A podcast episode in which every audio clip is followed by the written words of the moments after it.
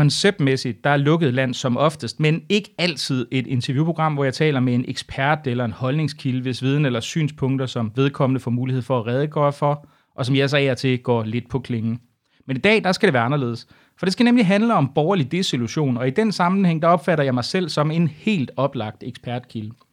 For de lyttere, som eventuelt ikke kender mig som andet end coronaradiovært, så kan jeg fortælle, at jeg uden at være redaktør på det satiriske netmedie Kokkoposten og journalist og skribent ved flere medier, er mangeårig og fast borgerlig debattør i først politikken og nu Berlinske samt deltager i vel efterhånden temmelig mange debatprogrammer. Jeg er medforfatter på debatbogen Eksperimentet, der slog fejl om dansk asyl- og indvandringspolitik de sidste 40 år, hvis titlen nok giver et hint om mit syn på den problemstilling. På min bogreol, der står et eksemplar af En Rands og Verdens Skælvede, som jeg har fået af Saxo Bank. Og jeg har godt nok ikke læst mere end omkring 100 sider i den, og jeg er egentlig heller ikke voldsom stor fan af En Rand, men alligevel. Jeg er altså kort sagt en af dem, der gør grin med venstrefløjens identitetspolitik, rigtig godt kan lide skattelettelser, udlændingestramninger samt ubegrænset ytringsfrihed. Jeg er altså temmelig borgerlig. Men for tiden, der er jeg desillusioneret.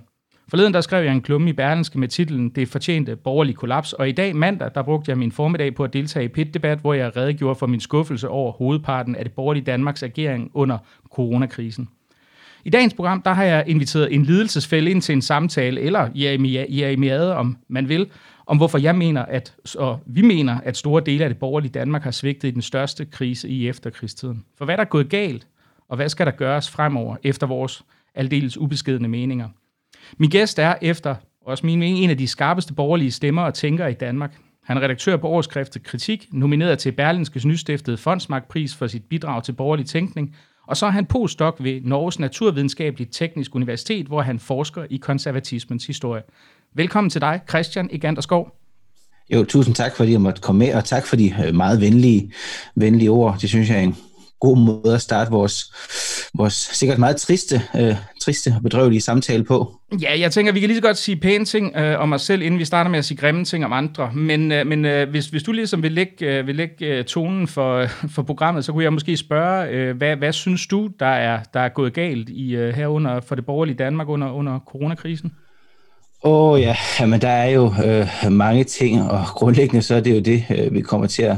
tale om det næste, jeg ved ikke hvor lang øh, stykke tid. Men altså det som, øh nej, to, øh, lad os tage to ting, der er gået galt. Det første, der er gået galt, det er, at øh, de borgerlige indledningsvis har haft svært ved at finde ud af, hvilke ben de skulle stå på. Altså, de har været øh, væk, dybest set. Man talte meget om i starten af den her krise, at det var som om, der ingen opposition var. Øh, nu har de så fundet ud af, hvilket ben de skal stå på, uh, men det er så bare det forkerte ben, uh, så, så, så nu må man næsten ønske, at man var tilbage i den der uh, lykkelige situation, der var i starten af krisen, hvor den borgerlige opposition simpelthen var væk. Og, og med det forkerte ben, altså hvad tænker du på i, det, i den sammenhæng? Jeg, jeg, jeg tænker på det her med, at vi jo pt. oplever en, øh, en borgerlig opposition, og her tænker jeg, altså her måske også altså, præget af, at jeg ligesom jo dig øh, følger sådan øh, meget af de her sådan, borgerlige debattører og øh, bruger for meget tid på, på Twitter og så videre. Øh, men der ser man, der har man jo gennem krisen set det her med, at der har været en, en række borgerlige debattører, øh, som har været, jeg vil sige, enormt kritiske over for den måde, som vi har håndteret øh, corona på i Danmark. Og, og, og det er for så vidt godt nok, for der er faktisk, øh, der er faktisk øh, kritik øh, og rette mod corona-håndtering, også sådan som jeg ser det. Og du har også haft mange gæster i studiet, som har påpeget mange ting, som altså, jeg selv med min egen, øh, altså hvad det så end betyder, hvad en phd historie øh, har at sige om epidemiologi, øh, er, hvad hedder det, er enig i. Men, men problemet er jo, at den kritik, som de, øh, de, som man kan sige, som de borgerlige har rettet mod coronahåndtering, har været, at øh, den har været for, altså vi har været for, vi har været for stramme i Danmark. Vi har lukket for meget ned, og vi har lukket for sent op, og vi har ikke lukket hurtigt nok op. Og det er jo, hvad hedder det, øhm, det er en, en kritik, som jeg dybest set finder, øh, altså sådan, så sådan på et helt basalt plan, mig selv som, som borger i det her samfund, hvis jeg nu tager sådan øh, analytiker og historiker hatten af, men så synes jeg bare, at det er en uansvarlig øh, position, fordi Øh, vi ved, at øh, coronaviruset er, øh, er farligt. Vi ved, at det smitter. Vi ved, at det har enorme omkostninger for samfundet, hvis øh, det bliver leget med den her smitte. Og vi kan se, at Danmark har klaret det øh, ganske udmærket, også sammenlignet med andre lande. Vi har slået øh, hurtigt ned, vi har slået hårdt ned, og nu er vi klar til at lukke relativt hurtigt op, også i forhold til, til andre lande, samtidig med, at befolkningen har øh, bevaret en grundlæggende tillid til vores øh, institutioner, og de borgerliges væsentligste bidrag, hvis vi sætter på spidsen, har måske været, at de har, øh, i hvert fald de borgerlige debattører, har bidraget til at undergrave øh, den her tillid til vores fælles institutioner øh, i løbet af den her krise. Og det synes jeg egentlig ikke, det synes jeg egentlig ikke er det, der bør være en, øh, en øh, borgerlig oppositions øh, rolle i så alvorlig en krise, som, øh, som, den vi, øh, som den vi står i. Altså for mig at se, så er borgerlighed, det er sådan, der hænger meget sammen med øh, ansvarlighed. Det med at, øh, at være en borger i et samfund, det er at have ansvar for en, øh, en sammenhæng, der rækker ud over en selv. Øh, men øh, hvis det eneste, man som borgerlig kan sige, det er øh, frihed, og øh, hvis det eneste, man kan sige, det er, at de foranstaltninger, som, øh, som øh, politisk er blevet truffet af regeringen, at de er udtryk for en eller anden form for tvang, der kvæler øh, den her frihed, jamen så synes jeg, at øh, så er man ude på et, øh, et, et, et vildspor, et ideologisk vildspor, som vi også kan se, er blevet straffet af, af vælgerne noget så eftertrykkeligt. Så altså, der er mange forskellige ting, øh, og vi kommer til at tale om øh, rigtig mange af de ting, men det er sådan, det er sådan mit grundlæggende oplæg til, hvad det er, der gør, at, at jeg sådan som, som borgerlig kan være lidt øh, altså beklemt ved min egen øh, ideologiske identitet øh, for tiden. Jamen altså, jeg, jeg er jo fuldstændig enig, og som jeg også sagde i oplægget, altså det her bliver jo nok en jamiade, hvor vi kan sidde og bekræfte hinanden i ting, tingenes begrædelige tilstand, og hvis man er utilfreds med det, så kan man jo naturligvis i don't know, høre Radio Loud eller noget andet. Men, men, men jeg er jo fuldstændig enig, altså for mig at se, at, at det store problem jo det her med, at, at, at altså det, det centrale er jo den her ansvarlighed, at vi står i en, en, en, en pandemi og en, en, en, en, en helt oprigtigt, altså historisk krise uden særlig mange fortilfælde, øh, som, som nogle mennesker her på, øh, i, i Danmark kan huske. Ikke? Det tætteste, vi kommer, det er 2. verdenskrig, som trods alt var af en, af noget anden karakter, selvfølgelig også ekstremt alvorligt, det er der ikke nogen, det er der ikke nogen tvivl om. Øh, men, men, men jeg synes bare, at, at det man ser i forhold til, til at se det borgerlige Danmarks ageren, det er et spørgsmål om, at man ensidigt fokuserer på den her ekstremt hurtige genåbning i en situation, hvor risici ved ikke øh, øh ved for hurtig genåbning. Altså, vi har ikke nogen reel empiri i forhold til, hvordan, hvordan genåbning egentlig skal foretages, fordi vi har ikke prøvet en situation. Vi kan ikke se tilbage på, når jamen, dengang vi genåbnede samfundet tilbage i øh, 1987 efter den store influenzaepidemi, eller kopperepidemi, eller hvad det nu har været, jamen så gjorde vi sådan og sådan og sådan. Det eksisterer ganske enkelt ikke. Altså, vi bliver nødt til at forholde os til, at vi er i en situation med ekstremt mange øh, øh ubekendte, en, en slags radikal uvidenhed, hvor man kan lave nok så mange modelberegninger, og de kan også være fine, men ofte er de det bare ikke. Og det betyder så, at vi risikerer, og det kan man jo se i, i, i forskellige lande rundt omkring i verden, hvor man også har forsøgt genåbning, jamen der har man set, at smitten den stiger, og det, der risikerer man jo altså nogle ret uheldige konsekvenser i form af enten ny nedlukning, eller også øh, et meget stort antal døde. Og der, der står det at være borgerlig for mig på sådan en intuitiv måde. Jeg er sikker på, at du rent idehistorisk har langt bedre greb om det, end jeg har, for jeg er sådan en hvad kan man sige, sådan en journalistisk øh, fusentast, der er sådan en fragmentarisk tænker rundt, rundt over det hele, ikke? Men, men der står det bare som, som værende i skærende kontrast ved det, jeg sådan rent intuitivt forstår ved at være borgerlig og sige, at vi skal tage et, et kollektivt ansvar for det her fællesskab, som vi er en del af, baseret på, på en grundlæggende analyse, der også inddrager hvad kan vi sige, ja, altså både, både selvfølgelig omtanke for økonomien, men, men naturligvis også i høj grad for de borgere, der kan blive ramt af den her økonomi. Og der synes jeg, at det borgerlige perspektiv for meget store dele af det borgerlige Danmark har været ekstremt selektivt og, og, og forstemmende at se på. Altså, jeg, jeg interviewede jo, øh, altså, jeg interviewede, hvad nu han hedder, øh, Pelle Dragsted forleden dag, ikke? og jeg skrev jo ja. med, med, med blødende fingre nærmest, øh, grædende øjne, hvad vi ellers vil kalde det, at, at jeg synes jo, at, at enhedslisten med sin krav om randomiseret test i befolkningen, ikke, som er en, en virkelig vigtig ting, hvis vi skal have overblik over virusen, øh, øh, og, og, og så deres, deres krav om, om bedre kvalitetstest af antistof, havde gjort mere for en ansvarlig åbning af, af, af Danmark, end, øh, end, end det borgerlige Danmark har gjort. Ikke? Og det, det må man jo sige som borgerlig, at det er jo en, øh, en brutal og forstemmende erkendelse at komme frem til, må jeg sige. Øh, ja, og, og jeg oplevede præcis det samme. Altså, jeg, øh, jeg måtte jo også her for et par dage siden øh, nødtungt skrive øh, derude på, øh, på Twitter, at, øh, at jeg synes simpelthen, at, øh, at Peter Dragsted har ageret bedre under den her krise, end, end dybest set nogen af de politikere, som jeg øh, øh, sædvanligvis har overvejet at ville, øh, vil stemme på. Men det peger selvfølgelig ikke på det der med øh, ideen om de der socialiseringer af virksomheder osv., men mere den der sådan, altså den grundlæggende tilgang til debatten, at man siger, at der er nogle ting her, øh, en helt akut krise, som vi bliver nødt til at være fælles om at løse. Og så er det rigtigt nok, så kommer der en masse øh, slagsmål længere ned ad vejen, om hvordan, øh, altså, øh, og nu er vi selvfølgelig også allerede længere ned ad vejen i forbindelse med genåbningen, men altså, hvordan skal vi indrette det her samfund efter krisen? For det er jo klart, og det er også derfor, jeg synes, det er ærgerligt, at de, at de borgerlige har spillet deres kort så dårligt. Øh, fordi det er jo klart, at der kommer til at være kræfter på venstrefløjen, som kommer til at bruge det her med, at alle bolde nu er kastet op i luften, til at kræve radikale forandringer, til at øh, forsøge at bruge de penge, der bliver pumpet og skal pumpes ud i samfundet, det offentlige, til at, at få øh, realiseret forskellige ideologiske krav. Det kan være grøn omstilling, eller det kan være det, som Peter Dragsted han taler om, øh, øh, hvad hedder det, øh,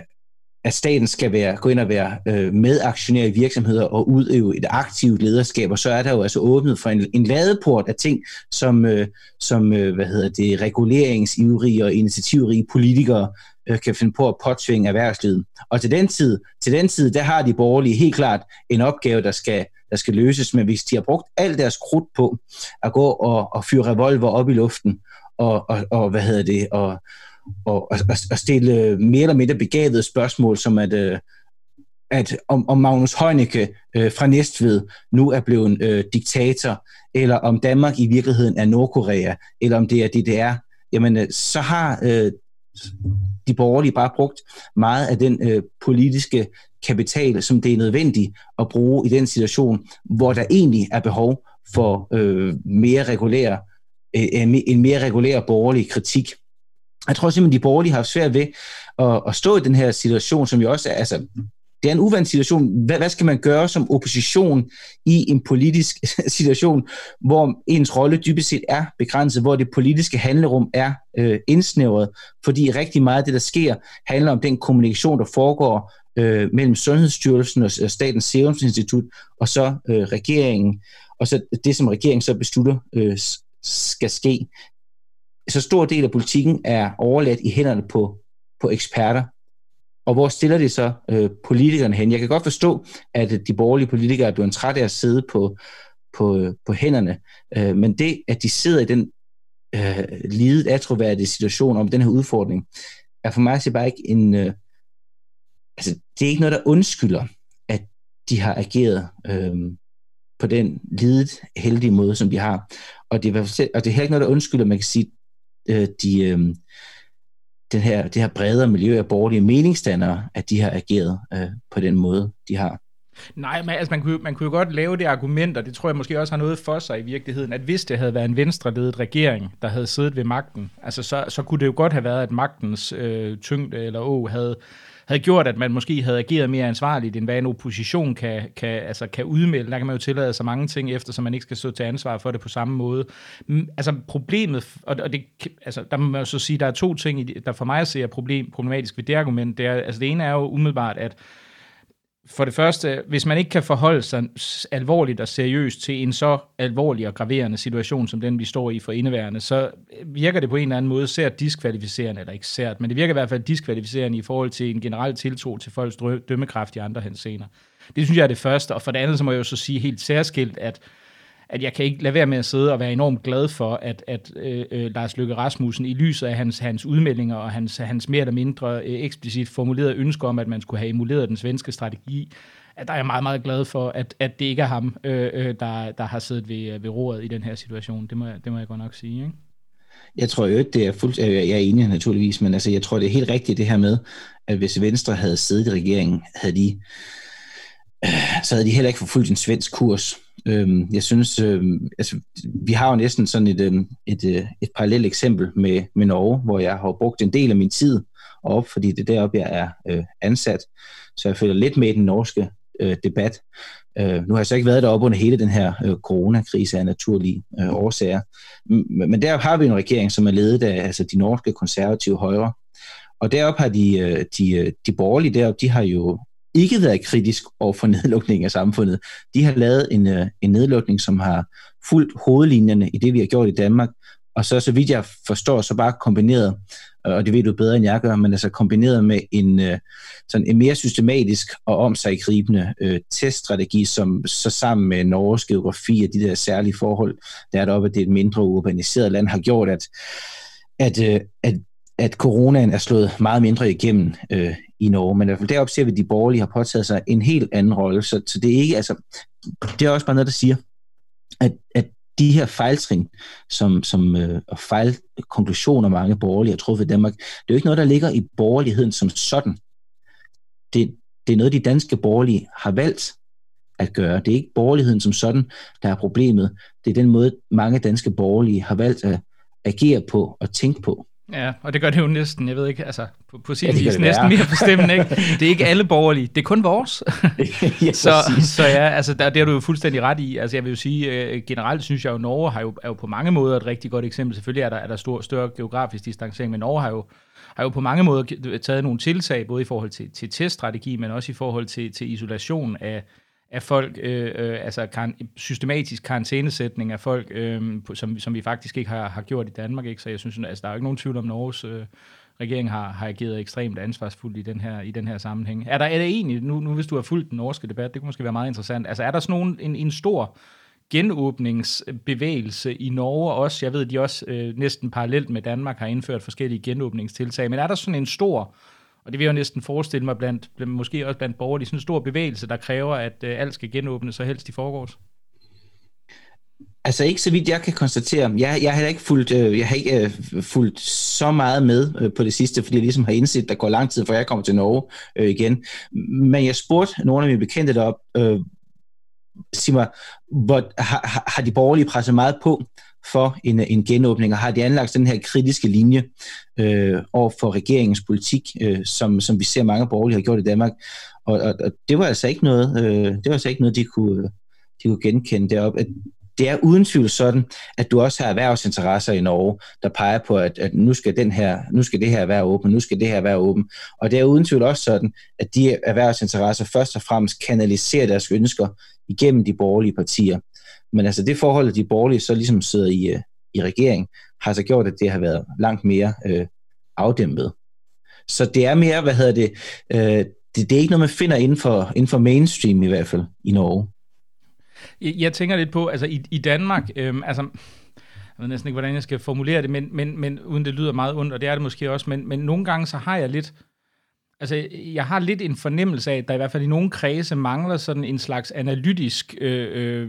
hvad kan man sige, vingefang i forhold til at forholde sig til de her ting, ikke? Altså, fordi jeg mener, det er jo en situation forbundet med radikal usikkerhed. Jeg sidder heller ikke og siger, at, at det, altså, det kan jo godt være, at den danske strategi går godt. Altså, det, det kan vi jo ikke udelukke, men vi må bare sige, at den er befængt med, eller behæftet med meget store usikkerhedsmomenter, og konsekvenserne af en ny gennedlukning, hvis, hvis smitten spreder mm. sig, vil være meget ekstremt skadelig også for det erhvervsliv, som man, man forsøger, og, altså hvor borgerlige sider gør sig til talsmand for. Ikke? Altså, og der virker det nogle gange, hvis jeg skal være helt ærlig, som om, at, at, at, at der mangler en evne til at, at, at, altså, at analytisk at kunne forholde sig til de her ting og de her implikationer. Og det er, ja, der er sikkert mange borgerlige, der sidder og være sure på mig for at sige. Men det, det er ikke desto mindre mit, mit subjektive øh, skøn her i mit eget radioprogram, og det kan du så være enig i. Ja, ja men øh, hvad hedder det? Og, og det har faktisk også undret mig, fordi jeg sad og prøvede at tænke over, hvad det egentlig sådan er nogle af de der, og, og nu må, øh, nu må lytterne have undskyld, som, som man siger. Altså, nu taler jeg bare om de borgerlige sådan meget bredt, og man kan selvfølgelig sige, der er en borgerlig, der siger en ting, en borgerlig, der siger noget andet, men, men generelt sådan min opfattelse af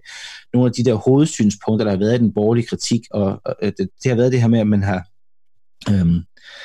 altså man har, man har tidligt, i hvert fald fra nogle borgerlige, anlagt den her meget sådan økonomiske, utilitaristiske øh, øh, vinkel på det hvor man har sagt, at øh, omkostningerne ved nedlukningen for eksempel har været, har været så høje, at, øh, at det ikke, altså, vi får ikke nok ud af det i forhold til menneskeliv. Det var den beregning, som øh, for eksempel CEPOS de, øh, de fremlagde der i slutningen af,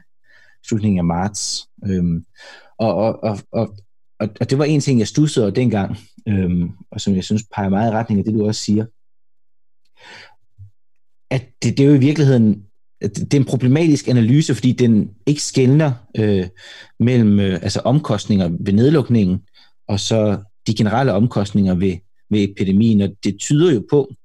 når man sådan ser på, øh, øh, hvordan øh, økonomier bliver ramt, at noget af det, der for alvor har indflydelse på, hvor hårdt en økonomi bliver ramt. Øh, det er virkelig sådan den generelle erhvervsstruktur, hvis, det, men, hvis, det er noget, hvis man er sådan en meget industritung nation, som, som Tyskland for eksempel, som producerer biler, der skal eksporteres til mange lande, jamen så bliver man, øh, så bliver man hårdt ramt, hvis man øh, øh, har mange øh, hvad hedder det, virksomheder inden for hvad hedder det, hvad har vi i Danmark? Vi har fødevareklyngen, og vi har, øh,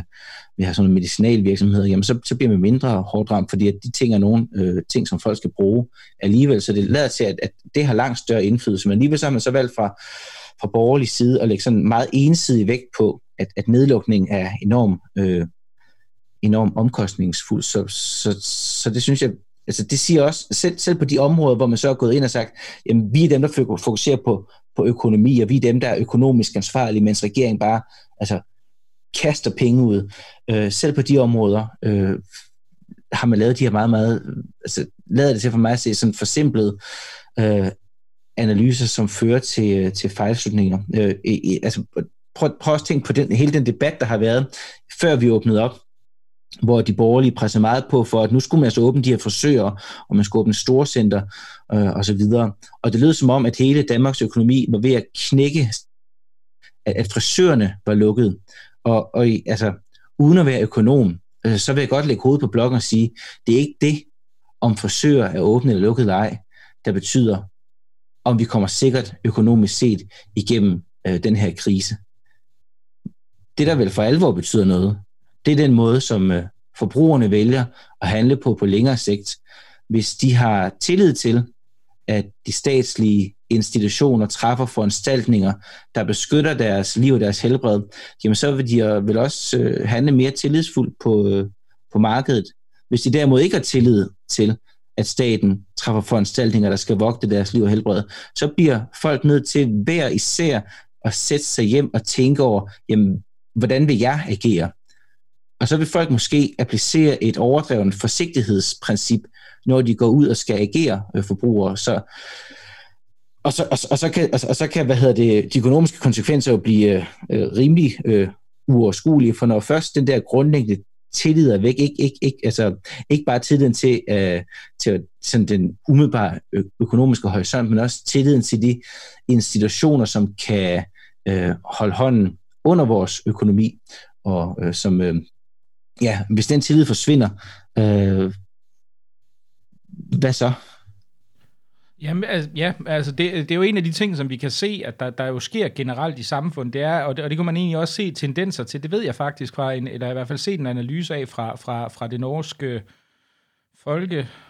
Folkehelseinstituttet og sådan noget, jeg kan ikke huske, hvad de hedder. Jeg er ret sikker på, at det var norsk, hvor man ser på, at, at, at, at man så faktisk den økonomiske aktivitet i samfundet dalede også ganske markant, inden man kan sige, øh, øh, selve lockdownen kom. Og, og man kan jo også se det for indeværende i Sverige, hvor du jo har mulighed for at kunne gå ud og bruge penge rigtig mange steder. Der er en glimrende artikel i sidste uges weekendavisen, hvor man, der er nogle forskere, der har været inde og kigge på kreditkortbrugen i, i, øh, i, i, i, i Sverige og bruge det. Forskellen er jo selvfølgelig bare, kan man sige, at, at uden en lockdown, der tyder en del, i hvert fald hvis vi, hvis vi kontrasterer Norge og Danmark med Sverige, så tyder det jo på, at hvis man ikke gennemfører den her sådan relativt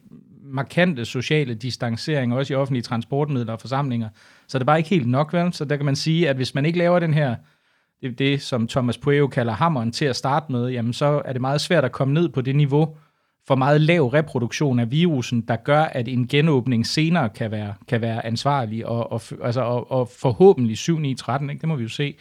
undgås, uden at vi ser den her, den her smittespredning i samfundet. Og det, det synes jeg egentlig er et meget jeg synes, det er et meget rationelt argument på den måde, øh, og som egentlig burde være, være sådan overraskende lidt forståeligt, men, øh, men der er jo bare nogle, nogle steder, hvor det kniver. Og når, hvad hedder det, ja, og på det, jeg kom til at tænke på, en af, en af, øh, en af tingene, som man jo også øh, sådan glemmer øh, i den almindelige debat om Sverige, det er, at selvom at det øh, øh jo går vildt for sig deroppe, så er det jo først og fremmest i en meget, meget lille region af landet, det er omkring Stockholm, først og fremmest, at den her epidemi for alvor raser. Øhm, hvis det var sådan, at, at, at, at den havde nået at brede sig, for eksempel til øh, et befolkningsområde som, øh, øh tungt område, som øh, altså Sydsverige, Skåne osv., og det var blevet mødt med, øh, altså, og, den, og den så blev mødt med de, øh, den der øh, mangel på foranstaltninger, som vi har set i Sverige, jamen så havde omkostningerne været, øh,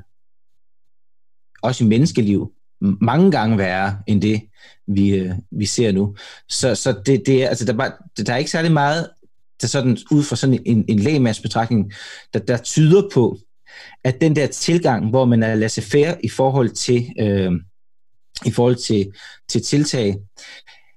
at den har særlig mange fordele, hverken økonomisk eller øh,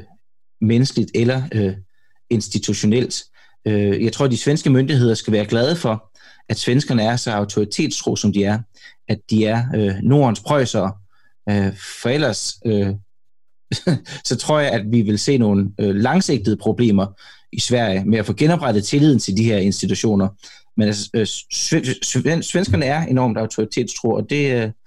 og det er det, der gør, at man kan have den tilgang i Sverige, eller det er det, der gør, at man kan gennemføre den tilgang i Sverige, som de, har til, øh, som de har gennemført, selvom den jo åbenlyst lige nu i hvert fald ikke virker. Så kan man selvfølgelig sige, at det kan være, at den virker på længere sigt og så videre, og det kan være, at svenskerne er dem, der lærer både sidst og bedst, men, øh, men indtil videre er der ikke meget, der tyder på, at det er den rigtige vej at gå. Nej, altså, man kan i hvert fald sige, at dem der, dem, der er døde indtil videre, som jo også ifølge svenske myndigheder, øh, er man jo så småt begyndt at komme frem til, er øh, uhyggelige høje tal. Øh, det skal jo ikke siges, at, at Tom Britton, deres, deres, en af deres, deres mange øh, øh, epidemiologer, der udtaler sig jævnligt, estimerer omkring 12.000 døde, mellem 6 og 12.000, og måske endda lidt højere, det kan jeg ikke huske, men deromkring. Men, men, men, men en enkelt ting, øh, jeg tænker på, det er, altså, altså det kontrafaktiske øh, scenarie, man skal sammenligne med, er jo heller ikke engang Sverige, hvis vi skal være helt... Altså det, det er der, hvor du holder samfundet åbent. Er jo, svenskerne har jo lukket øh, ned for en del, øh, hvad det hedder, øh, universiteterne har øh, sat sig på fjernundervisning. Der er en række sektorer, hvor man også arbejder hjemmefra, og det opfordrer man sig til fordi i, er svensk, øh, også noget med deres grundlov, så kan du ikke nødvendigvis gennemføre det ved lov, men det er noget, som folk sådan generelt retter sig efter. Men de reelle steder, man måske skulle overveje at sammenligne med, er jo de steder, hvor man har forsøgt at holde sådan en meget generelt vidtgående åbning til et meget sent punkt, hvor jeg tænker, at der kunne man måske sige, at England var et bedre eksempel, øh, hvor man meget, meget sent, og det er jo først efter den her Imperial College Report, den kommer ud, øh, øh at man faktisk laver sådan en 180 graders vending, og laver en hård, meget, meget hård lockdown, øh, altså hvor du, du faktisk bliver, bliver, hus, altså, øh, øh, altså bliver sat i karantæne i ens egen husstand i, øh, i, i store dele af England eller USA, og der kan man jo se, at, at øh, de omkostninger, som man også rent sådan dødstalsmæssigt får, er, er markant større, i hvert fald indtil videre, end, end, end både Sverige, øh, Danmark og, og de lande, som, som skrider ind noget tidligere i øh, et, øh, sådan, øh, epidemiens forløb. Ikke? Ja, jeg så godt den opgørelse, der viste, øh, øh, de havde en markant overdødelighed i, øh, i, øh, i Storbritannien. Det var voldsomt, den der også netop sammenlignet med, med Sverige. Men jeg synes også, at øh, netop det her med, at man så slår enormt hårdt ned, og, og lukker samfundet rigtig meget ned, når man så lukker ned, og det har de også gjort i, øh, i andre lande, ikke? Øhm, i øhm, Spanien i hvert fald, ved at de lukker meget ned, i Italien naturligvis også. Altså, det, det tyder jo på, at øhm, der, der er ikke nogen samfund, der for alvor vil acceptere, at den her virus, den bare får lov til at have frit. Øh, så den der meget, øh, ja, nu håber jeg ikke, du bliver gal, men nu kalder den der meget liberale position, hvor man siger, jamen lad den bare sådan sive gennem befolkninger, så, så går det nok alt sammen. Altså, der, der er ikke nogen, der efterlever den i praksis. Så til synligheden, så står, så står valget mellem at øh, sådan, lukke lidt ned, eller så lade den sive igennem befolkningen, indtil man er nået til katastrofens ram, og så øh, øh rand, og så, og så lukke rigtig hårdt ned. Øhm, og, og, og så få altså, så få en masse utilsigtede konsekvenser, og, og, og de her forfærdelige sociale øh, følger, der er af, af, af folk øh, i nogle af de her lande, har været øh, isoleret i deres hjem sådan for alvor, på en helt anden måde, end vi, øh, end vi har i Danmark, hvor, hvor, hvor de store folkelige debatter jo har handlet om, hvilken øh, retning man skulle gå rundt om, om, om søerne og sådan noget. Så det har jo trods alt været langt mere alvorligt nogle, sted, nogle steder i, øh, i Sydeuropa. Ja, altså jeg, jeg, jeg må sige, at, at det overrasker mig lidt, at det egentlig har... Altså, jeg tror, måske er nogen ikke klar over, hvor relativt, jeg vil ikke kalde det mild, eller hvor, hvor, hvor begrænset den lockdown, vi har haft i Danmark, har været. Altså, øhm, Altså, jeg, jeg har jo været en af dem, der mente, at man burde have kørt den New Zealandske model, altså hvor man havde en meget hård lockdown til at starte med, hvor du så får virusen nærmest ned til ingenting, og så kan iværksætte øh, kontaktsporing og, og forskellige andre ting øh, umiddelbart derefter, men altså i en meget, meget kort periode, ikke? altså måske tre uger eller noget i den stil. Ikke? Det er også en, der er et element af bagklogskab i det, vil jeg også gerne sige, men ikke desto mindre. Øhm, fordi det kan, det kan man se er, er meget, meget, meget, meget effektivt, men i Danmark har man jo altså kørt en, altså vi har haft mulighed for at kunne, kunne, kunne altså kun, altså færdes relativt frit i samfundet øh, under, under, og i lighed med Sverige jo i øvrigt under nogle retningslinjer, altså forsamlinger op til over 10 har selvfølgelig været forbudt. Men altså den generelle mobilitet i forhold til, hvem man vi besøger osv., har jo været lagt over til den enkelte persons sådan vurdering og skøn i, i, i meget vid udstrækning, hvor man kan sige, at i en række andre lande, jamen, der har du jo dybest set ikke haft mulighed for at kunne forlade dit eget hjem til i andre hensener end, øh, end indkøb. Ikke? Fordi man er kommet ind på, på et senere tidspunkt. Men en ting, jeg kommer til at tænke på, det er, at jeg snakkede med, uh, det, nu løber de lidt sammen, alle de her mange interviewer, det er jo et hver anden dag, men, men, men hvad det hedder, jeg mener, jeg mener med, med det var Martin Vines, øh, der er, øh, hvad det hedder, lektor, for vidt jeg husker, du må undskylde Martin, hvis jeg får din titel forkert, men ved, ved, i statskundskab ved Aarhus Universitet, øh, og, og blandt andet øh, forsker i offentlige forvaltninger, hvor han sagde, at en af de grunde, han mente, der kunne være til, at Venstre har det her meget, eller ikke Venstre, men, men borgerlige generelt har meget det her meget øh, erhvervsorienterede blik på, på, på politik og hvad man skal gøre i den her situation, er også fordi, at det, det, det, det er det perspektiv, det er dem, man bliver kontaktet af hele tiden, altså alle de her interesseorganisationer, som bliver ved med at sige, at, at man faktisk virkelig lider, og det er jeg ikke i tvivl om, de gør. Altså det er ikke på nogen måde for at underkende de mennesker, der står i en en, en forfærdelig økonomisk situation, som er meget reel, og jeg vil jo også sige, at, at jeg synes også, at, at argumentet om, at man godt kan man godt kan gøre øh, konsekvenserne af, af, af den her nedlukning op i, i sådan, hvad kan vi kalde det, statistiske mistede leveår i, i den udstrækning, vi havde perfekt information, vi man godt kunne gøre det og sige, jamen vi bliver nødt til at lave nogle afvejninger, som også i en eller anden, en eller anden forstand er, er relevante nok. Men, men, men, men det er der så ikke nok information til. Men min point er mere bare, at, at man kan sige, at at, at perspektivet måske bliver farvet af, at man fra borgerligt hold kun bliver kontaktet og har altså af de her lobbyorganisationer, som har det her konstante og, og igen forståelige fokus på, at de meget gerne vil have deres, deres levebrød tilbage. Tror du, det er sådan en uh, korrekt analyse, eller? Ja, og jeg, jeg, jeg, jeg hørte også udsendelsen, og jeg tænkte, at, at det, jeg tænkte, jeg hørte det, det er uden tvivl en væsentlig, en væsentlig del af forklaringen. Altså, partier øh, er jo en slags, øh, man kan sige, det er en slags maskiner, der,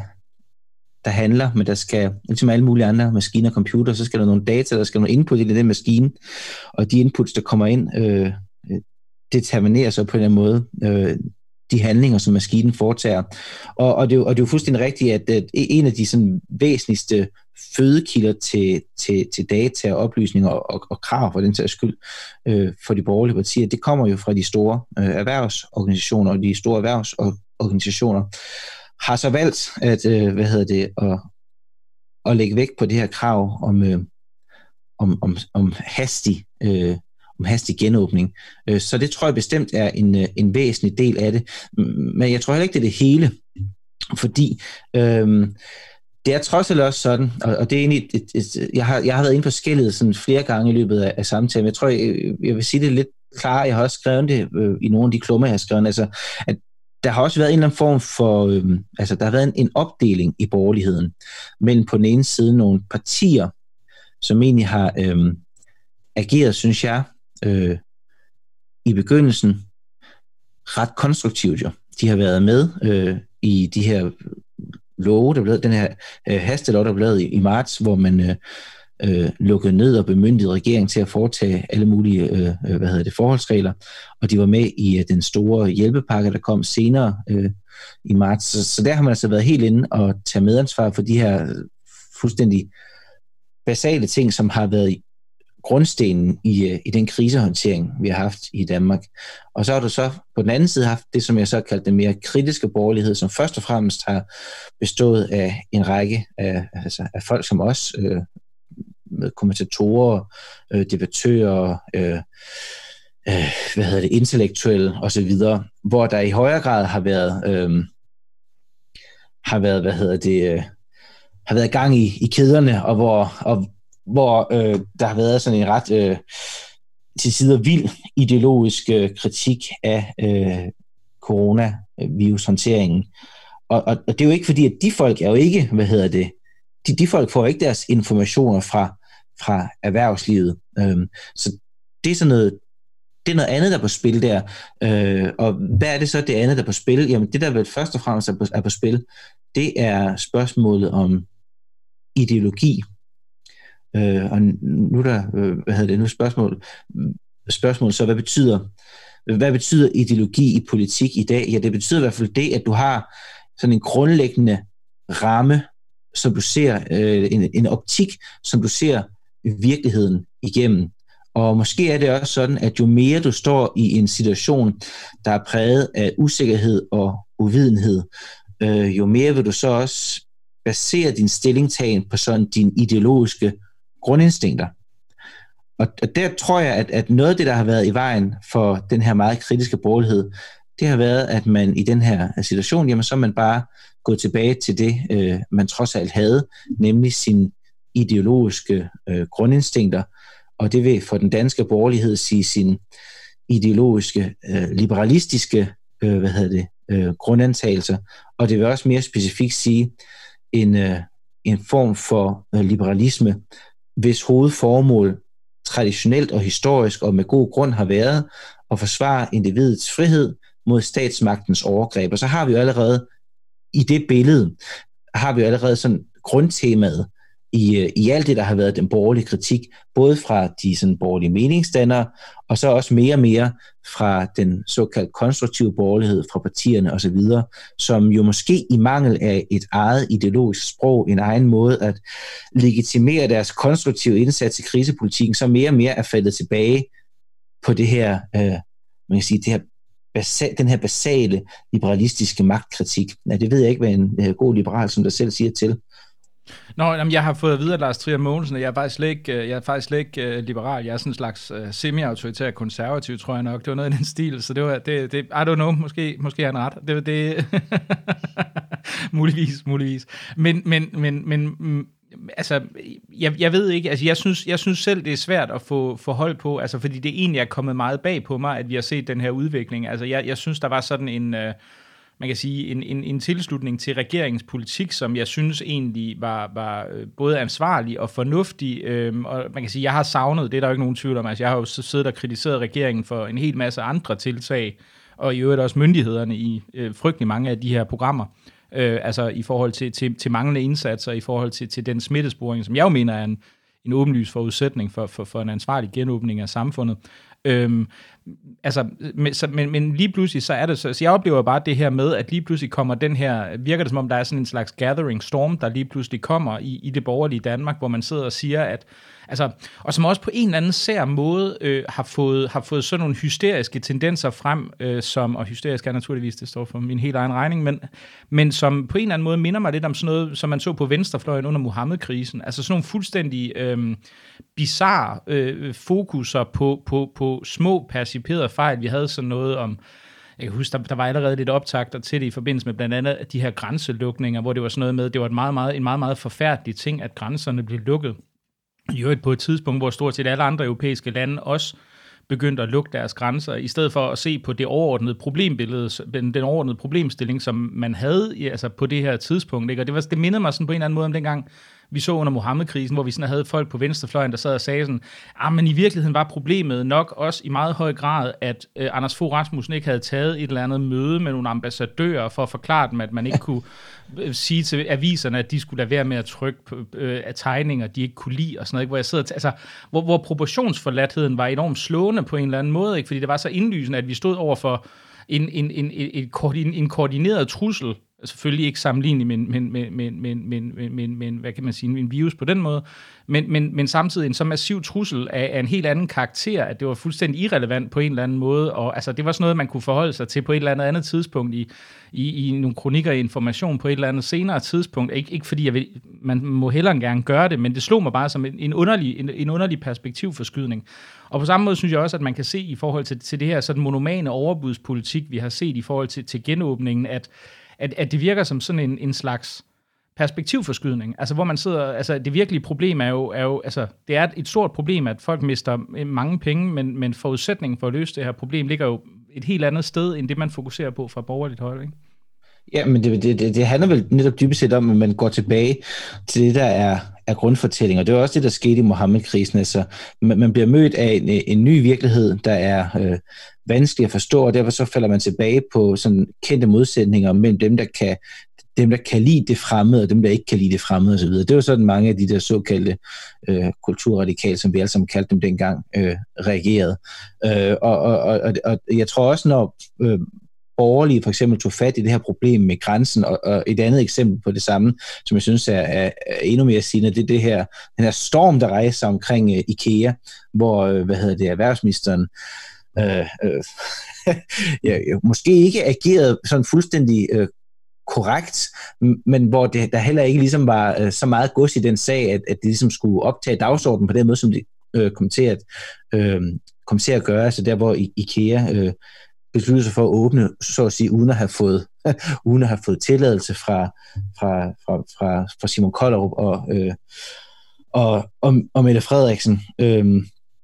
og når man så fokuserer, når, når man laver den her perspektivforskydning, så handler det vel netop om, at man så ser man de dele af virkeligheden, man gerne vil se, som bekræfter den fortælling, man allerede så at sige står indenfor. Så man har allerede fastlagt en fortælling, som siger, at øh,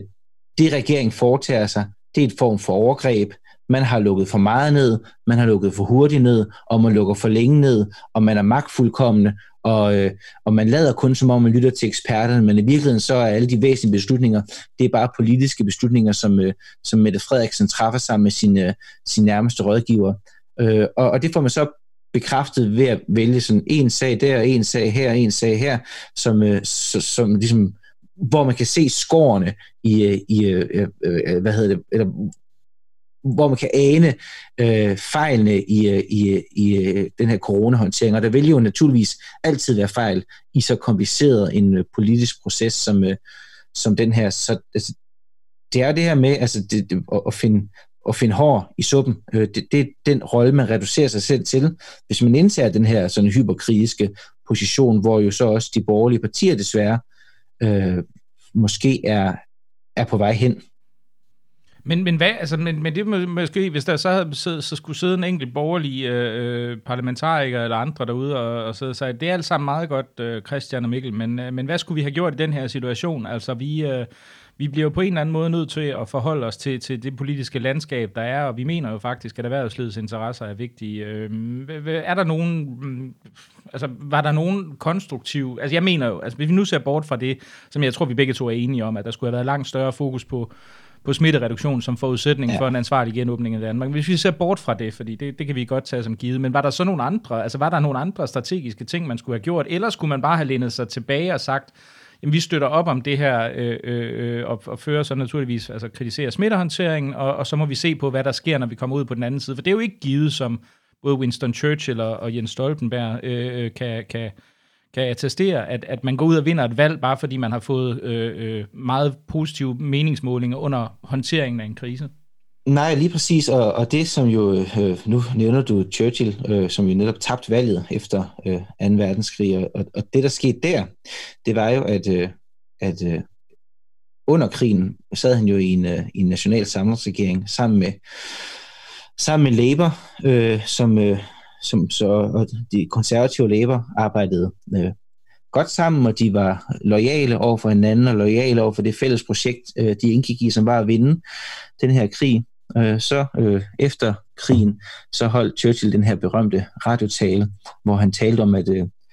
at nu vil Labour, øh, nu vil de socialisere industrien og, og, og, og grundlæggende øh, forvandle England i øh, autoritær retning. Og det var der så ikke nogen, der kunne genkende overhovedet, netop fordi Labour faktisk havde været en, øh, en konstruktiv og ansvarlig kraft under den her krise. Og det samme kan man jo sige, at måske havde de borgerlige stillet sig i en bedre position, hvis de havde holdt sig på den kurs, de havde i begyndelsen af krisen, hvor de var øh, konstruktive medarbejdere, som gik ind på de grundlæggende forudsætninger, som de selv var med til at lægge for krisehåndteringen på det tidspunkt, nemlig at der skulle lukkes ned, og at der skulle lukkes op i takt med, at det var sundhedsmæssigt øh, forsvarligt, Og det ligesom var de grundlæggende præmisser. Hvis de, hvis de havde gjort sådan, og ikke havde, øh, og ikke havde leget med den her radikale kritik, øh, hvor, hvor igen øh, skal man måske skille mellem borgerlige partier og borgerlige debattører, men hvor jo nogle borgerlige debattører meget tidligt var ude at trække øh, diktatorkortene øh, mod øh, Mette Frederiksen og hendes, øh, og hendes regering. Hvis de borgerlige havde regeret, øh, hvis de borgerlige havde undladt at gøre det, så ville det være meget, meget sværere efter krisen at sige, at de havde ageret som en uansvarlig kraft. Øh, jeg er bange for, at vi kommer til at stå i en situation nu, hvor øh, vi kommer til at se tilbage på en, en, en krise, som har været håndteret fornuftigt øh, af den socialdemokratiske regering, og at vi samtidig kommer til at se tilbage på en øh, borgerlig opposition, som i rigtig mange vælgeres øjne har ageret uansvarligt, og at borgerligheden derfor bliver, altså for nu at sige det med et, øh, et teknisk term, bliver totalt lemlæstet næste gang, der kommer øh, valg. Fordi øh, hvordan skal man kunne stole på de her mennesker, som har så banale analyser, og som var så klar på at åbne op så hurtigt, uden at skele til konsekvenserne, eller i hvert fald lægge mindre vægt på eventuelle negative konsekvenser af en genåbning, øhm, end det var sundhedsmæssigt forsvarligt.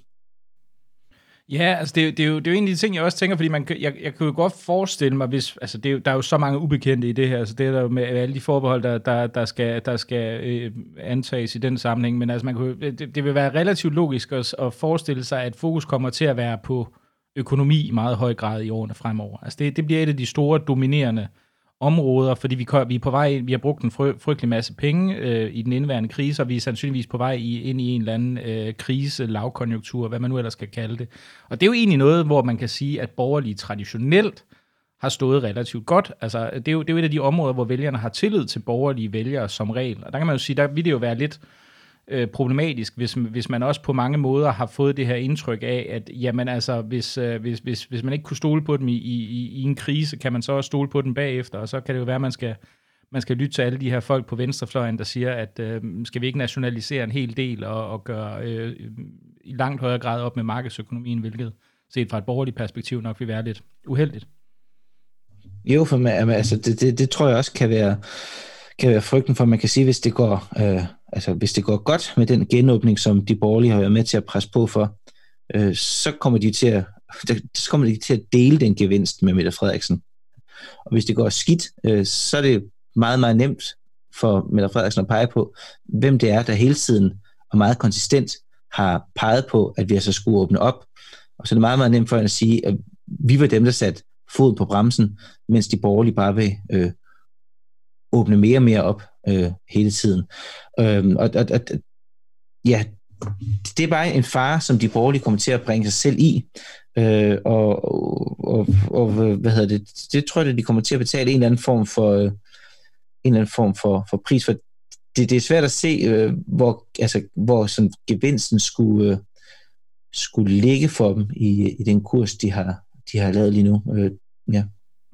Jeg tænker, er der, er der nogen sådan historiske fortilfælde for, for den her situation? Er der nogen, nogen tidspunkter, hvor det er jo selvfølgelig også sådan en, en både en historisk, politisk, subjektiv vurdering for dit vedkommende, men er der noget, der ligner den, øh, den situation, vi står i nu, hvor man kan sige, at, øh, at, at det borgerlige Danmark har, har reageret på, på en tilsvarende vis? Øhm, på en tilsvarende vis, det er, det, det er måske ja, det, det bliver vanskeligt. Det, det, det, der, der, der er jo lige, altså, jeg, jeg synes... De, jeg har ikke haft så mange pandemier de sidste 100 år. nej, nej, det er det. Øh, de, de, hvad hedder det? Jeg synes, de bedste sådan paralleller øh, til, til den her krise, vi står i nu, øh, det er selvfølgelig øh, de to verdenskrige, og så øh, muligvis også øh, ja, depressionen i, øh, i, i 30'erne. Men, men det man kan sige, det der skete under de, øh, de to verdenskrige, øh, det var jo, at øh, der lavede man nogle, øh, i første verdenskrig lavede man nogle tiltag til at styre, det handlede først og fremmest om at styre økonomien sådan nogenlunde, øh, øh, nogenlunde sikkert igennem, øh, blandt andet ved at lave øh, sådan tidlige, øh, tidlige eksperimenter i, øh, i øh, økonomisk planlægning osv. Og 2. verdenskrig, det handlede selvfølgelig om, om samarbejdspolitikken. Og, øh, og, og, og, og det, der i hvert fald er lærende de to ting, og det som, som hvad hedder det, de borgerlige så kan skrive sig bag øret som en eller anden form for håb, det var jo, at, at både Første verdenskrig og Anden verdenskrig ender jo med, at der kommer et regeringsskifte kort tid efter. Øhm, ligesom vi også snakkede om med, med England, ikke? Altså, at, at folk bliver simpelthen folk bliver trætte i længden af repræsentanterne for krisepolitikken. Så, øhm, så, så hvad hedder det, øhm, på et eller andet tidspunkt, øh, så vil folk tilbage til normaliteten igen, og der kan ligge en politisk gevinst i, når det tidspunkt så kommer, og være dem, der, hvad hedder det, vil øh, returnere samfundet til, til den her øh, normalitet. Men det skal jo selvfølgelig ske på det, det rette tidspunkt. Det vil ikke, øh, det vil ikke have gavnet de borgerlige stort, hvis de i, øh, i øh, hvad hedder det, 1942 eller, eller 1943, før, øh, før samarbejdspolitikken sammenbrud havde insisteret på, at nu skulle politik vende tilbage til normale vilkår, som man kendte fra, fra, fra mellemkrigstiden. Øh, det er ligesom først noget, der kunne ske, når krisen var, når krisen var over. Så, så det, der, det er, altså, det, der er sådan en, en tid, hvor det giver mening at, at samarbejde, og hvor man må lægge øh, vægt på, øh, på, på fællesskab og konsensus, og så er der en tid, hvor politik kan vende tilbage til, til det normale. Det, det synes jeg egentlig er, sådan, at den, er den klareste tale af, af nogle af de der sådan, sådan helt voldsomme kriser. Altså de der kriser, der er så voldsomme, at man nærmest skal tage den tid, krisen foregår i at sætte parentes om den og sige, det her, det var dengang, der var øh, den her store krise, hvor normaliteten så at sige var sat, øh, var sat ud af kraft. Øh, det, det synes jeg er de klareste, de klareste eksempler. Og her der tillader jeg mig lige at afbryde dagens udsendelse for en meget kort bemærkning. For lukket land er gratis, og det bliver det ved med at være. Men jeg bruger en del tid på at lave og producere programmet, så hvis du kan lide det, du hører, så vil jeg sætte enormt stor pris på din støtte. Du kan bidrage til mit arbejde ved at gå ind på lukketland.dk og i hjemmesidens højre side vælge, om du vil donere et fast beløb for hver afsnit, der udkommer, eller om du hellere vil bidrage med et fast månedligt beløb. I alle fald tusind tak for det, og også en stor tak til alle jer, der allerede har valgt at bidrage. Og så tilbage til dagens program. Nu, nu du forsker i konservatismens historie, altså en, en af de ting, som også måske kan undre lidt, det er, at jeg synes ikke rigtig,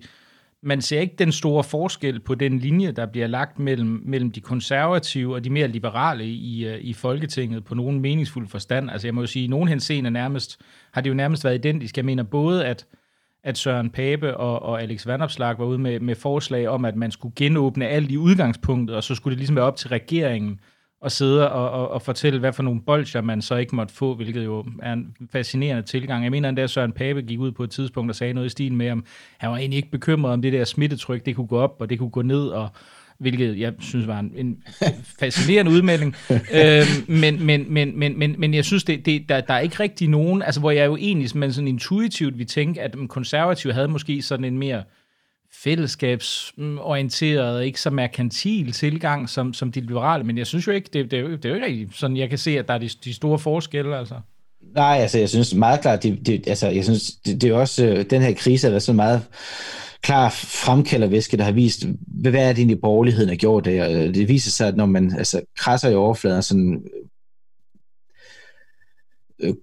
går bag om sådan de der øh, sk- skåltalebekendelser, som partierne selvfølgelig har til deres øh, respektive ideologiske grundlag, så er det sådan en, en altså, så, så er både Venstre og Konservative og Liberale Alliance, altså så er det sådan den samme øh, borgerlige liberale suppedags, det, det udspringer af. Altså, der er ikke nogen, øhm, der er ikke sådan for alvor en, øhm, en, en, en sådan fra, fra, hvad hedder det, fra liberalismens serien konservativ position i, øh, i, dansk, øh, i dansk politik. Det er noget, man har i, i andre øh, europæiske lande af historiske grunde. Altså i, i, i Tyskland har du et ret klart skæld mellem øh, det konservative parti, øh, CDU, og så det liberale parti, FDP, men det har du så ikke haft i, øh, det har du ikke haft i Danmark. I Danmark er der sket det på en eller anden måde, at øh, liberalismen øh, så at sige er blevet det borgerlige fællessprog, og, øh, og det er jo så det, vi ser nu, at det ligesom er den liberale kritik, man falder tilbage på, når man står i den her situation, der er præget af usikkerhed og, og uvidsthed. Det er sådan liberale begrebspar, som, som skældet mellem frihed og tvang og, og modsætningen, modsætningen mellem borger og stat, i stedet for sammenhæng mellem borger og stater. Og også den her sådan meget klare øh, retoriske modsætning mellem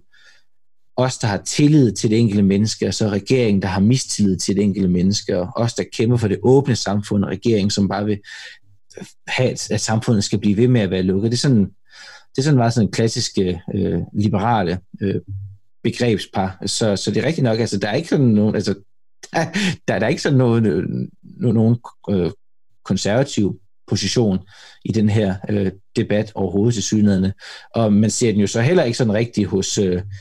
hos øh, hvad hedder det, Dansk Folkeparti, som jo også øh, har fuldt sådan meget altså kritisk side. De er sådan mere faldet tilbage på den der, øh,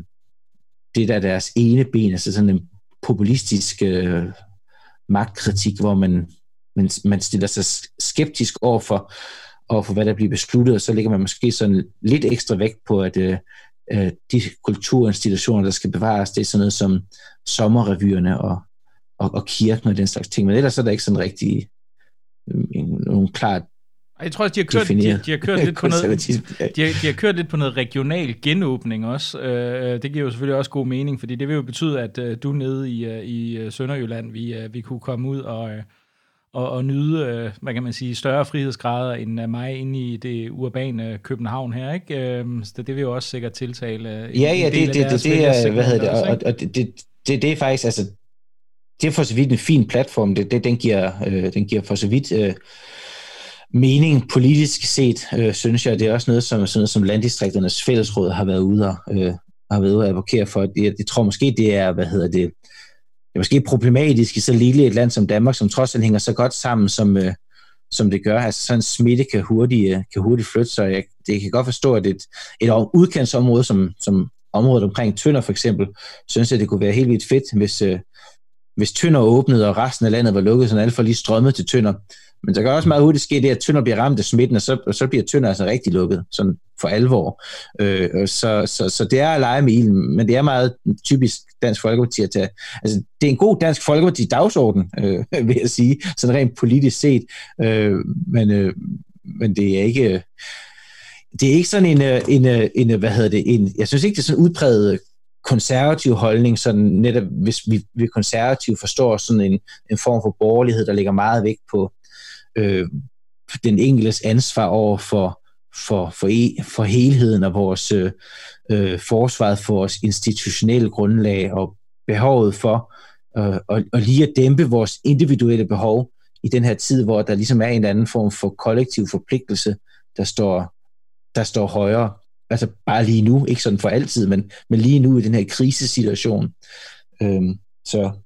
Nej, men faktisk, apropos det med krisesituationen, en af de ting, jeg synes har været forstemmende og, og også lidt mærkelige med den borgerlige kritik, det er, at man har været så dårlig til at, øh, altså, så, så dårlig til at erkende, at der er forskel på en krisesituation og en normal situation. Jeg synes, der har været i rigtig meget den her øh, meget, meget vilde kritik, og det virker måske det, der har fået mig op af stolen for alvor, øh, den her kritik af, at, øh, at, at regeringen ligesom var ved at sætte demokratiet og folkestyret ud af kraft, og, og, og Mette Frederiksen var sådan en slags autoritær øh, statsleder. Der synes jeg, at, at der er der rigtig mange borgerlige, der har vist, at de er vanskelige ved at forstå, at også øh, folkestyret lande, også liberale demokratier, har altså situationer, hvor man så at sige sætter de normale spilleregler ud af kraft bare for en periode, for netop at kunne vende tilbage til normaliteten igen. Og det er en væsentlig del af den forsvarsmekanisme, et liberalt demokrati har, at det er i stand til at gøre det, at det er i stand til at øh, behandle særlige situationer med særlige forholdsregler, som så har en, øh, en begrænset gyldighed øh, i tid, og som bliver afløst netop af en normal situation bagefter. Altså prøv at forestille dig en situation, hvor et liberalt demokrati ikke kunne agere på den måde, hvis vi så at sige i enhver situation var tvunget til at lave business as usual. Et sådan styre vil jo ikke have øh, altså, nogen mulighed for at bestå gennem en krisesituation. Nej, og der er også en, altså, der er jo også en, en slags underlig sådan, hvad kan man sige, øhm, jeg ved ikke, hvad jeg skal kalde det, men sådan en slags useriøs tilgang til mange af de her ting. Ikke? Altså, jeg, jeg, det blev til en meget stor ting på et tidspunkt, altså at, at folk, at der var et opholdsforbud, ikke generelt udendørs, men på, på, på enkelte steder, Islands Brygge blandt andet, fordi folk sad meget tæt sammen. Øhm, og der blev det til sådan et, altså, altså, you can take my Islands Brygge from my cold dead hands blandt borgerlige, ikke? som om, at, at det var selve indbegrebet af, altså af, af, af demokratiske frihedsrettigheder under en pandemi, at kunne forsamles enormt mange mennesker lige præcis på, på, på Islands Brygge og nogle meget få andre steder, ikke, hvor man altså, ja, altså og, og, og, det, det, proportionsforladtheden i det slog mig som, som meget underlig, ikke? Altså, ja, det, det, det er jo, Islands Brygge er jo et dejligt sted, det er jo slet ikke det, men, men, men, men altså, at man ikke har en forståelse for netop, som du selv siger, altså det her, det her, at vi er i en helt exceptionel situation, og alle vi jo, Altså hvis, hvis man i, i det fuldstændige, og det er jo allerede surrealistisk at forestille sig, i det, i det scenarie, hvor vi forestiller os, at den her epidemi går over, det gør den jo nok før eller senere, at, at, at, at Mette Frederiksen så vi opretholde øh, et opholdsforbud på Islands Brygge, at, at det var noget, som nogen vi tolererer i Folketinget, eller sådan sidder til, altså, jeg, ikke at jeg, vi har nogen idé om, hvorfor man vælger at gøre det, men altså, altså at, at det virker på en eller anden måde så mærkeligt, øh, så mærkeligt proportionsforladt. Jeg kan huske, jeg så også, der var sådan en, en, eller anden, en eller anden øh, fætter, som havde, han havde anmeldt en demonstration på Islands Brygge, og så han sat sig med sin computer der, og så og skrev, øh, og det måtte han så gerne, fordi at det var en demonstration. Og det var der enormt mange, der synes, der var sjovt, og jeg kan da også godt se, at der er et vist humoristisk element i det, men på den anden side, som borgerlig sidder jeg lidt og tænker, er det virkelig i en meget alvorlig situation, er det virkelig det, man skal spille politiets ressourcer med, og protestere over, at du har et, et lille bitte, bitte, bitte område, hvor du på grund af nogle helt særlige omstændigheder i en national krise ikke må forsamles. Og det må jeg indrømme, det, det, det, det synes jeg var en, en, en anelse øh, mærkeligt at jagtage. Ja, lige præcis. Altså, det er sådan, det, jeg, jeg så det også godt, og det er meget skægt, men det er sådan et, øh, det er sådan, der, der, der afviser, at vi altså står i en situation, hvor der bliver stillet nogle nødvendige krav til det, vi skal gøre politisk. Altså, det er en bunden opgave, der skal løses. Og når den er løst, så skal vi nok vende tilbage til alt det øh, herlige ævl og kævl, som vi plejer, og de normale politiske modsætninger vil genopstå, og så har borgerligheden en, øh, en, øh, en særdeles vigtig rolle at spille. Øh, men lige nu er der altså noget, vi skal. Så lige nu der skal vi ikke pjatte rundt øh, på den måde, som den demonstration og de der, hvad hedder det, reaktioner på den demonstration var, var, var, udtryk, øh, var udtryk for. Men, men det er en eller anden form for, altså det er en eller anden form for sådan virkelig øh, overdrevet mistillid til, øh, ja, til ja, altså et eller andet sted en overdrevet mistillid til, til, til, til, til politik og til, øh, fordi øh, politik jo på en eller anden måde handler om øh, ting, som et kollektiv gør. Altså, jeg, jeg tror, det er sådan noget, der ligger i det en eller anden form for misforstået individualisme, hvor man frygter enhver form for, for kollektiv øh, beslutning, og hvor man øh, dybest set ikke bryder sig om, at individet på en eller anden måde er forpligtet over for en større sammenhæng. Øh, du har sikkert også læst eller noteret dig det der interview, der var med Hella Juf, øh, hvor hun ville øh, flytte til en iglo i, øh, hvor hun hellere ville flytte til en iglo i Nordøstgrønland, end hun ville leve i et samfund, hvor folk de ligesom vogtede øh, over hinanden, og man nu overholdt de fælles spilleregler. Et eller andet sted kan jeg selvfølgelig godt forstå, for der er ikke nogen, der bryder som de der sådan meget emsige typer, øh, som der sikkert findes mange af derovre i, i hovedstaden, hvor jeg alle sammen bor, som går og sådan, får sådan en stor glæde af, af vogt, at vogte på, at alle de nu også øh, overholder, overholder deres sådan private og meget øh, strikse sharia-tolkning af, hvordan man skal agere i sådan en krisesituation. Men på den anden side, så, så ligger der jo faktisk også en, øh, en, en ret værdifuld social, social funktion i det, som, øh, som, som, hvad hedder det, som nogen har afskrevet som udskamning. Altså, at vi, vi er forpligtet på hver især at handle i det offentlige rum på en sådan måde, at andre også kan være der, uden at øh, pådrage sig selv øh, øh, risiko for sygdom, eller uden at skulle leve i, øh, i en, hvad hedder det, i en rationel frygt for at pådrage sig den her, øh, pådrage sig den her sygdom, og, og dermed give den videre til ens, øh, til ens nærmeste. Og, og det må det være et rimeligt krav at stille til os alle sammen, hver især, at vi handler på en sådan måde. Og det er vel en, øh, en, en hvad hedder det, en følge af det, at vi så dermed også i en vis forstand kollektivt udskammer dem, der ikke opfører sig på den måde. Øh, nu er udskamning ikke det jeg selv vil prøve bare kalde det at, at, altså, at håndhæve normer, men netop det, at vi håndhæver normer i civilsamfundet, er der sådan noget, der kan gøre, at, øh, at statslige indgreb bliver, øh, bliver mindre påkrævet, og at vi løser den opgave, der skal løses, den her bundne opgave, på en, øh, en, øh, hvad hedder det, en civilsamfundsbaseret måde, i stedet for en, øh, en, en øh, hvad hedder det, i stedet for gennem statslige tvangsforanstaltninger. Men selv det, selv det ser vi jo eksempler på, at borgerlige meningsdannere afviser, netop afviser som udskamning. Ja, og det er jo, altså, det, det er jo enormt fascinerende også, fordi det er jo noget, vi accepterer i alle mulige andre sammenhænge ellers. Altså, lad os, hvis vi bare kigger på det sådan rent individuelle, hvor du kan udsætte andre for konkret skade, ikke? Altså vi kan sige, øh, hvis du er gravid og sidder og drikker vodka, så vil de fleste jo mene, at, øh, altså, at det vil være socialt uacceptabelt, og det, altså, at, at det vil være uacceptabelt af, af hensyn til barnets velfærd, og spritkørsel, det er selvfølgelig også ulovligt, men det vil man de fleste jo også mene, at det vil være en god ting at kunne gå ind og sige som, som, som borger og sige, hey, det skal du lade være med, for du udsætter andre for fare i den her konkrete situation, og det kan du da godt kalde udskamning. Men det er jo noget, der fungerer på alle niveauer, og så kan man jo sige mere bredt betragtet, at det at sige til nogen, at du agerer på en måde, som man opfatter som moralsk forkastelig i bredere forstand. Det er jo en, en, en indbygget del af vores politiske diskurs i alle, på alle mulige planer. Så det er meget sådan en selektiv applicering af lige præcis det princip, at man ser det her, at det skulle være sådan noget, noget særligt, noget særligt forkasteligt på en eller anden måde. Ikke? Altså, det, det, det, det synes jeg er en, er en meget underlig vej at gå, også netop fordi det er jo et eller andet sted øh, civilsamfundet, som, som, som man forsøger at påvirke, uden, at, uden faktisk at gå lovgivningens vej. Ja, netop, og, og, og, og som jo netop peger tilbage på, på, på, på det, som har været altså, en af, en af de, de borgerlige grundsønder i den her krise, nemlig at øh, der i hvert fald fra nogen borgerlige side har været analyse, hvor selve den her, altså, hvor en ting var, at coronaen var et problem. Jo, selvfølgelig var det et problem. Og så er det økonomiske, det var et problem, og måske var det økonomiske problem større end corona, fordi nedlukningen var for hård. Men det egentlige problem, det som vi for alvor skulle passe på med, det var den her konsensus, der var opstået. Altså konsensus bliver problemet. I stedet for at opfatte konsensus som, øh, som et, øh, et middel, der kan bringe os helskindet gennem her krise, så bliver konsensus sådan en slags øh, øh, forkammer til det totalitære, diktatur, eller til øh, en eller anden form for, øh, hvad hedder det, sådan rigidt stammesamfund, hvor vi alle sammen, øh, øh, hvad hedder det, går og, og vogter over hinanden på de allermest øh, ubehagelige måder, og hvad hedder det, praktisere organiseret dyneløfteri og den slags ting. Og, og, og, og det har altså været meget mærkeligt at, at konstatere, hvor, hvad hedder det, hvor meget salt der har været i den her sådan meget sådan radikalt individualistiske variant af borgerlig kritik.